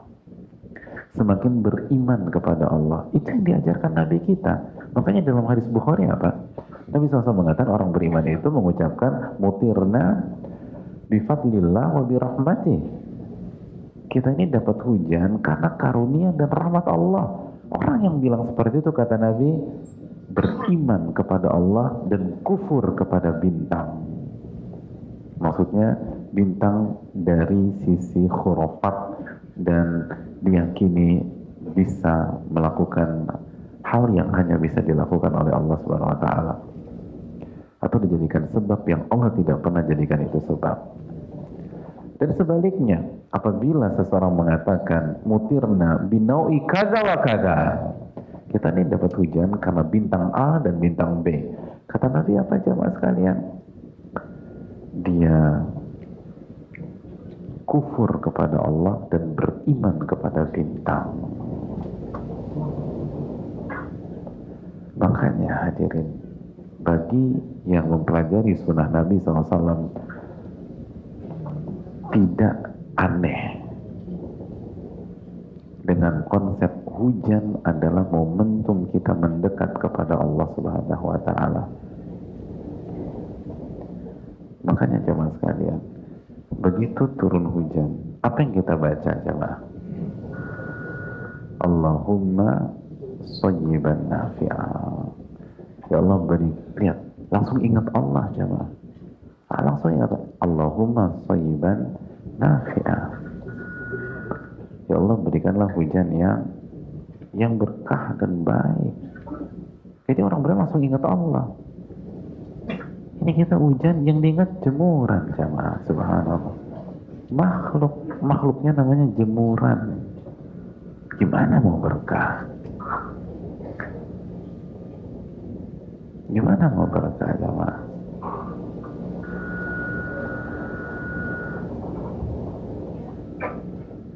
Ucapan yang lain kalau melihat air hujan Apa yang diucapkan?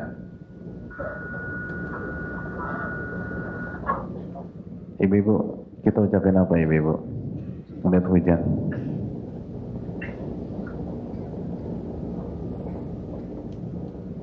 Bu. Ibu udah pulang ya? Bu. Kita ucapkan rahmah. Rahmah. Kata para ulama bisa nasab rahmatan artinya doa ya Allah jadikanlah hujan ini rahmah atau dhammah rahmatun. Artinya hujan ini benar-benar rahmah. Apa arti rahmah? Hah? Bu Rahmah hadir nggak di belakang? Ini bukan nama ibu-ibu. Rahmah artinya kasih sayang Allah subhanahu wa ta'ala. Jadi Nabi dalam hadis Muslim, hadis Muslim, riwayat Muslim. Yaqul idza ra'al matara rahmah. Nabi itu kalau melihat air hujan yang diucapkan rahmah. Ini kasih sayang Allah. Kita ngeliat hujan ngedumel. Ya. Ya, hujan kan bro, gue bilang juga apa? Dari tadi kita harus keluar. Ini hujan gini repot kita. Repot. Nabi bilang rahmah. Makanya kita nggak dapat kebaikan. Oleh karena itu hadirin sekalian, mulai saat ini begitu melihat air hujan, yang kita ucapkan apa? Rahmah. Ibu-ibu, begitu dengar eh, ngelihat air hujan, yang kita ucapkan apa? Bapak-bapak, Masya Allah. Bisa insya Allah? Insya Allah. Karena pas lagi kering ngomongnya. Belum tentu pas hujan bisa. Coba. Hujan turun, deras. Dan sudah berlangsung 30 menit. Kita buka pintu rumah kita, itu air hujan sudah di atas permukaan got. Tadi ngomong apa kalau lihat air hujan? Masya Allah. Menit ke-60, air hujan masuk ke garasi. Melihat air hujan, ucapin apa tadi? Masya Allah.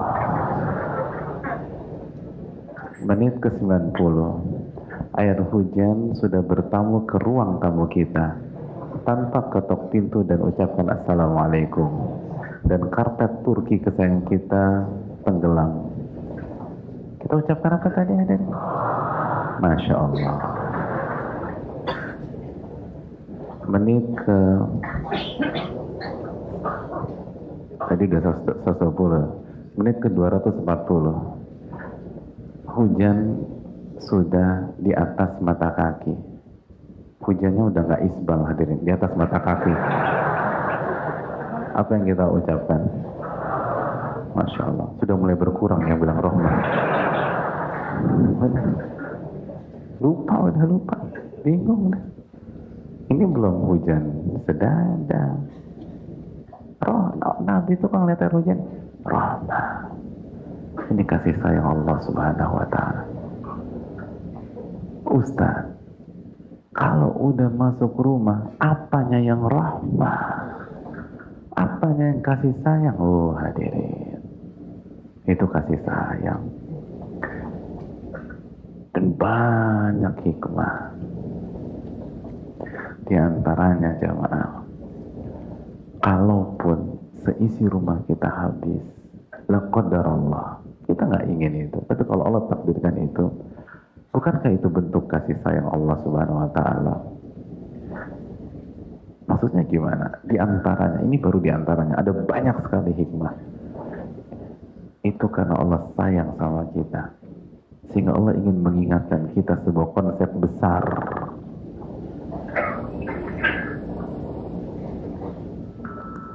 jangan pernah merasa memiliki dunia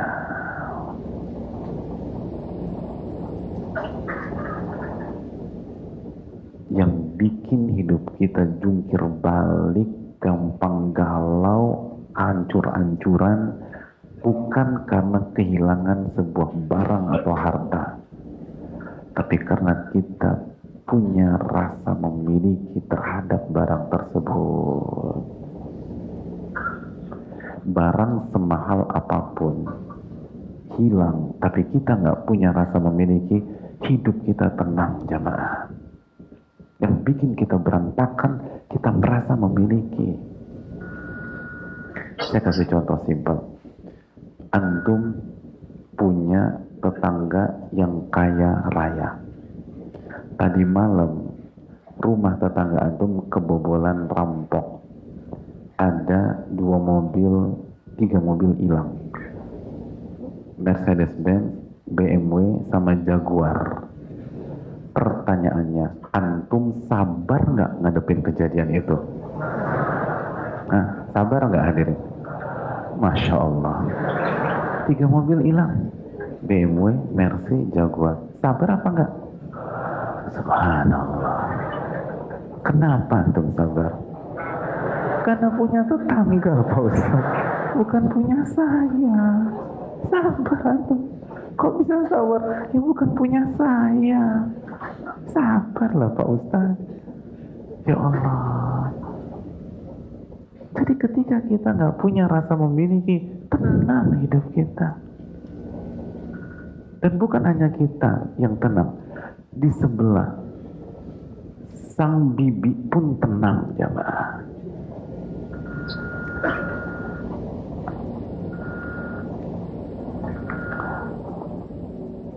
Sang bibi didatangi orang.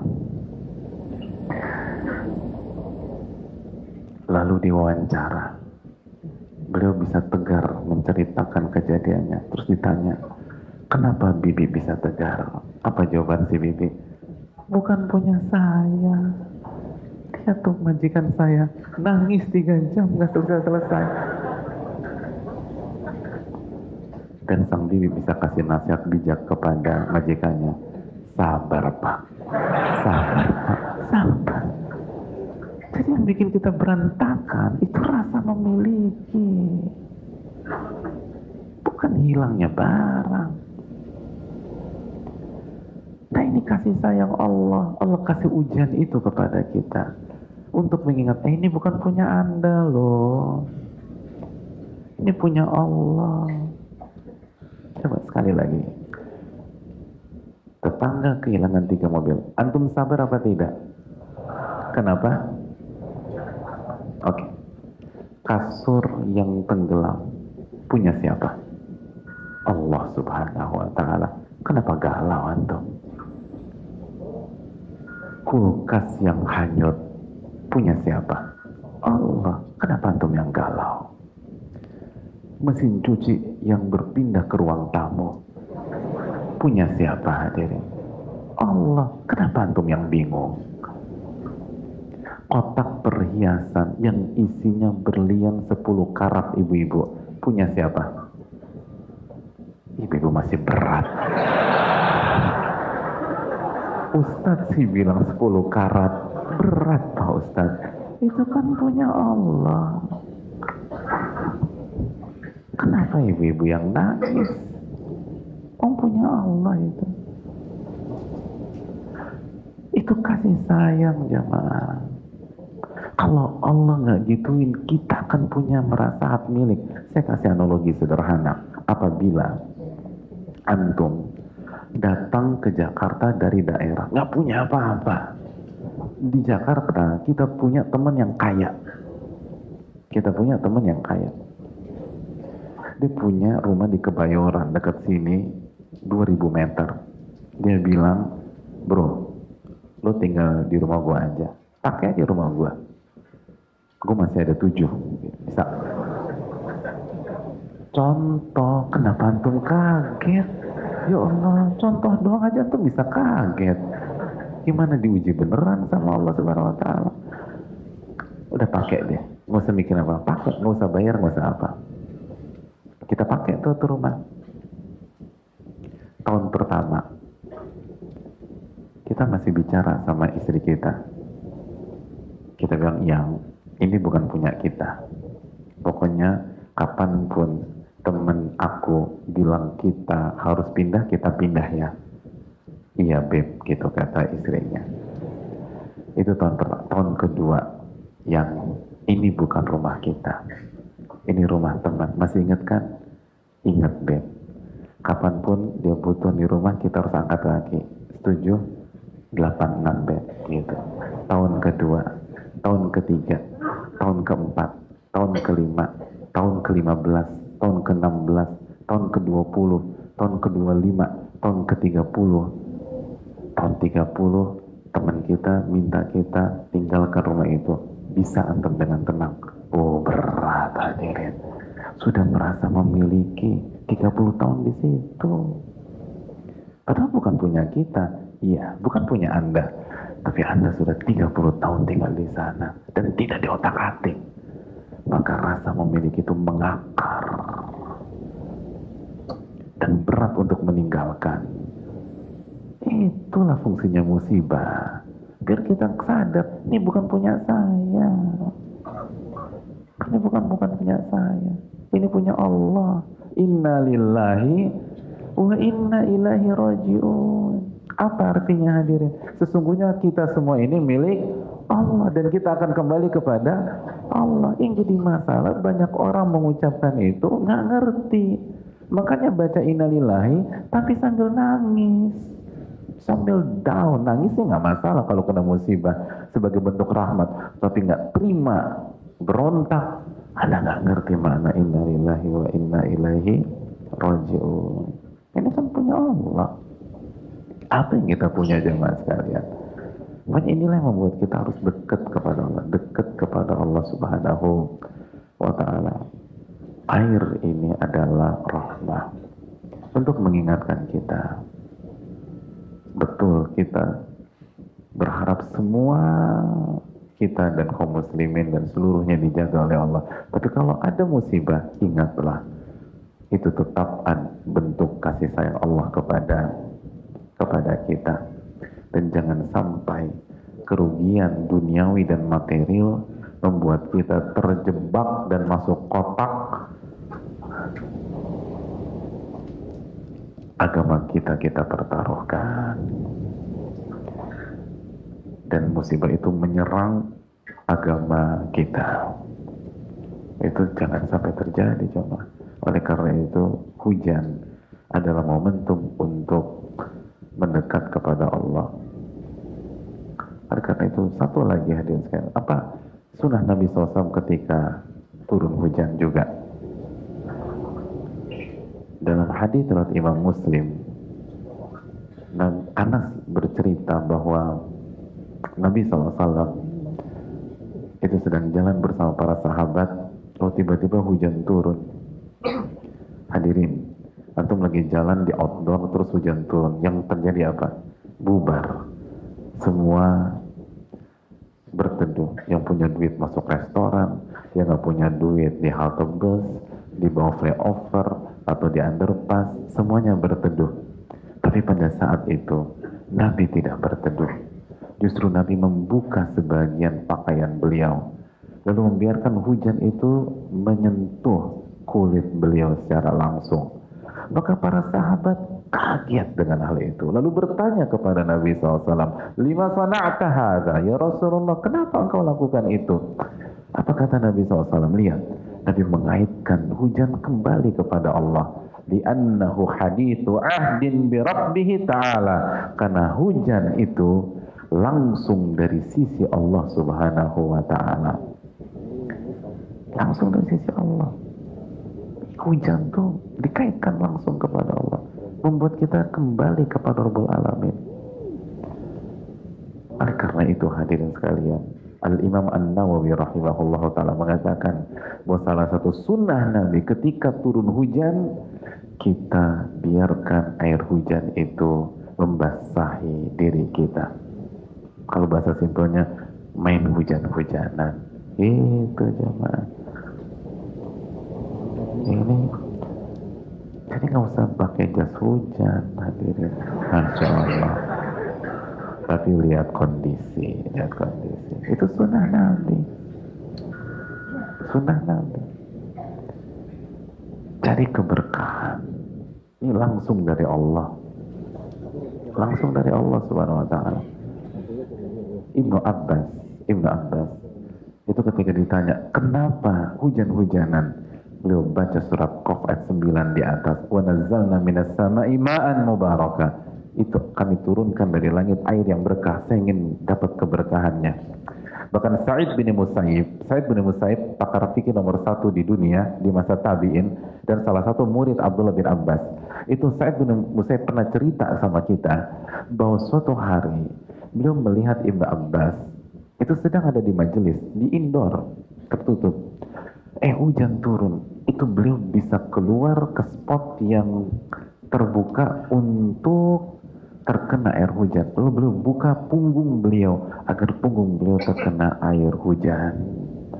Itu para sahabat Nabi Shallallahu Alaihi Wasallam. Jadi jangankan antum ada di outdoor, lagi di indoor nih, hujan keluar jamaah. Masya Allah. Gimana hadirin? Jangan langsung pisang goreng sama kopi panas. Nanti dulu. Nanti dulu hadirin. Hujan-hujanan dulu. Masya Allah. Tapi khususnya ibu-ibu, hati-hati ibu-ibu. Jangan salah paham ibu-ibu. Tiba-tiba hujan, terus ibu-ibu bubaran, keluar ke outdoor, lalu buka jilbab. Na'udzubillah. Bu, kenapa dibuka tuh jilbab? Sunnah. Masya Allah. Bahaya ini ibu-ibu. Hadirin, jangan salah paham. Apa keterangan Imam Nawawi dalam kitab Al-Minhaj? Kata Imam Nawawi, yang bagian tubuh yang dibuka adalah yang bukan aurat. Nah itu hadirin. Yang bukan aurat. Jadi kalau kita buka misalnya nggak apa-apa buka ke sini atau laki-laki kasih pundaknya dan sebagainya. Kalau wanita kalau di luar misalnya kalau kita merajihkan pendapat muka dan telapak tangan, udah muka aja yang kena gitu lah hadirin. Muka yang kena. Atau misalnya ada yang pakai cadar tapi meyakini bahwa cadar itu tidak wajib dan muka bukan aurat, ya udah buka cadarnya pasirian agak ke atas gitu. Tapi nggak usah sambil mangap gitu. Biasa aja. Ya, sambil mangap. Walaupun mangap juga boleh, kan suci, mensucikan air hujan itu. Ya, jadi itu yang perlu kita uh, camkan bersama-sama. Atau ibu-ibu di rumahnya punya spot yang langsung terkena uh, atau langsung terbuka, boleh tuh main hujan di sana. Ustaz anu udah ngamalin itu nasihat Ustaz. Tapi jadi masuk angin Ustaz.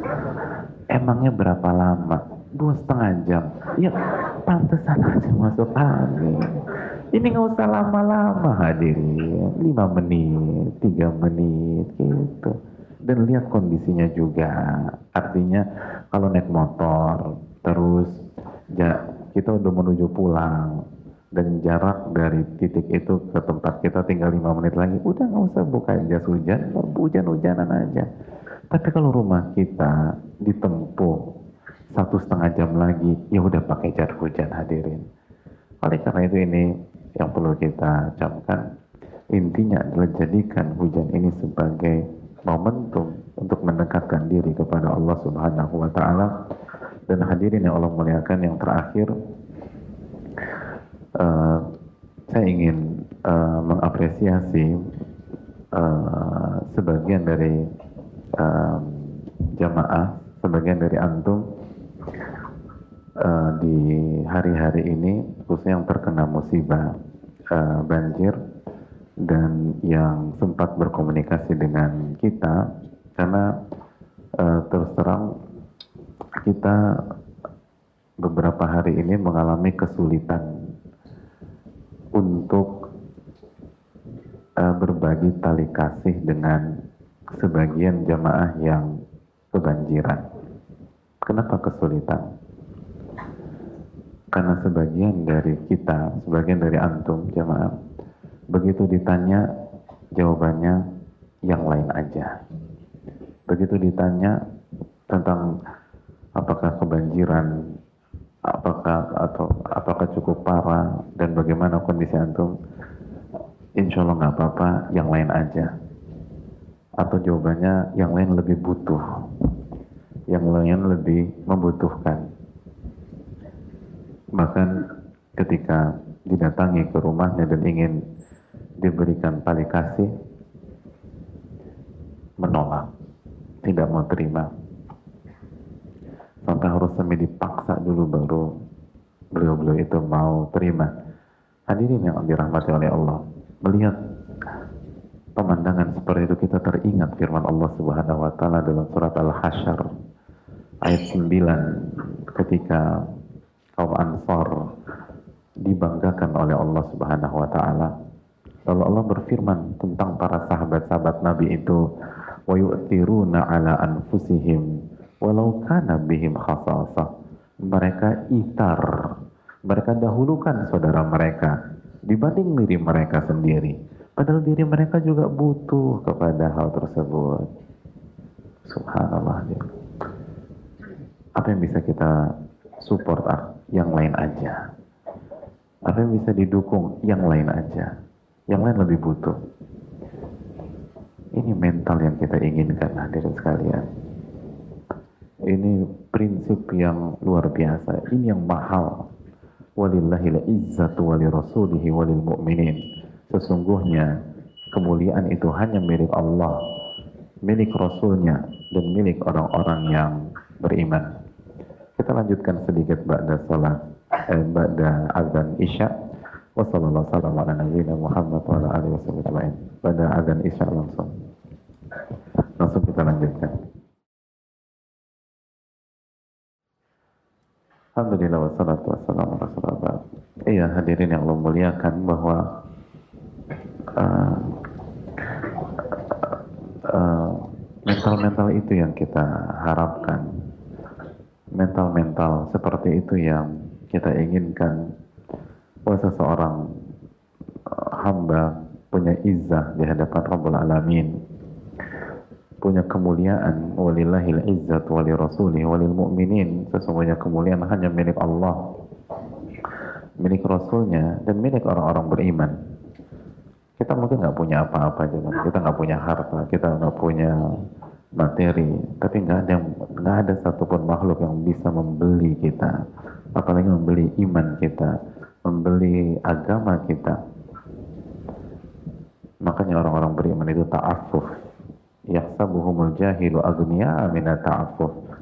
Orang-orang yang ada di sekelilingnya berpikir mereka mampu, mereka cukup, padahal mereka penuh kekurangan karena mereka nggak mengumbar. Dan itu mereka itar. Mereka bilang yang lain aja. Teman yang lain lebih membutuhkan. Nggak perlu anak. Oleh karena itu hadirin sekalian uh, secara khusus saya ingin uh, mengapresiasi dan berterima kasih kepada sebagian teman-teman yang sudah berusaha menjaga izahnya, yang sudah berusaha untuk mendahulukan saudaranya, padahal dengan mudah dia bisa terima tali kasih tersebut dengan dengan izahnya dia tidak mau memperlihatkan kesulitannya dan dia memilih untuk bertawakal kepada Allah Subhanahu wa taala sebagaimana Nabi Ibrahim ketika ingin dibantu oleh malaikat Jibril beliau mengatakan Hasbi Allah wa ni'mal wakil. Cukuplah Allah yang tolong. Dan Allah sebaik-baik penolong. Dan hadirin dan jamaah sekalian yang Allah muliakan.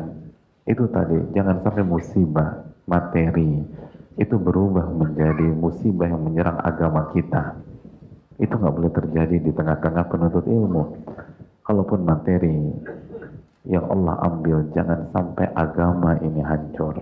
Jangan sampai tawakal itu hanyut dan sampai keyakinan sama Allah Subhanahu wa taala itu berkurang. Dan itulah indahnya kehidupan. Melihat potret-potret sebagian antum itu, itu yang mengingatkan kita kepada surat Fusilat ayat 33 ketika Allah mengatakan man ahsanu qawlan mimman da'a ila Allah wa amila salihan wa qala innani minal muslimin. Dan ucapan mana lagi yang lebih baik daripada berdakwah di jalan Allah? Bidang mana lagi yang lebih bagus daripada dakwah? dakwah yang paling bagus ya mas kalian. Setelah taufik dari Allah melalui dakwah inilah kita melihat profil-profil orang-orang seperti itu. Dengan dakwah dan ilmu setelah taufik dari Allah orang punya izah, orang punya punya kebanggaan terhadap agamanya dan tidak tidak bergantung sama si A, tidak bergantung sama si B, tidak ingin mengumbar kekurangannya, tapi cukup mengeluh kepada Rabbul Alamin, minta kepada Allah Subhanahu wa taala. Dan ini penting. Dan ini harus kita angkat. Di saat sebagian pihak rebutan rebutan bantuan dan materi dan kita husnuzan sama mereka. Mungkin mereka butuh tapi ternyata di sisi yang lain ada orang yang butuh juga. Tapi mereka lebih mengatakan yang lain saja. Teman saya saja. Ikhwan yang lain saja. Yu'tiruna ala anfusihim walau kana bihim khasasah oleh karena itu semoga Allah jaga keistiqomahan kita dan apa yang dilakukan oleh sebagian teman-teman di sini juga menginspirasi yang lain uh, untuk menjaga diri dari hal tersebut. Terakhir, saya ingin mengangkat satu pertanyaan saja. Assalamualaikum warahmatullahi wabarakatuh. Waalaikumsalam warahmatullahi wabarakatuh. Semoga Allah senantiasa merahmati Ustadz keluarga dan seluruh umat Islam. Amin ya rabbal alamin. Uh, Ustadz saya kalau ada masalah justru semakin jauh dari Allah. Saya merasa saya berbuat baik pun Allah tidak menolong. Mohon nasihatnya Ustadz. Hadirin yang Allah muliakan, sikap inilah membuat kita semakin terpuruk. Allah berfirman dalam surat Al-Fatah ayat 6, "Wa yu'adzibal munafiqin wal munafiqat dhanna Allah akan mengazab orang-orang munafik yang laki-laki maupun wanita, orang-orang musyrik yang laki-laki maupun wanita. Kenapa mereka? Di antara masalah mereka buruk sangka kepada Allah Subhanahu wa taala. Dan hadirin, pertolongan Allah bukan hanya tentang materi. Pertolongan Allah bukan tentang uang semata. Pertolongan Allah bukan hanya tentang barang semata. Pertolongan Allah bukan tentang pekerjaan semata. Pekerjaan Allah bukan pertolongan Allah bukan hanya tentang salary. Ada banyak yang lebih mahal dari itu.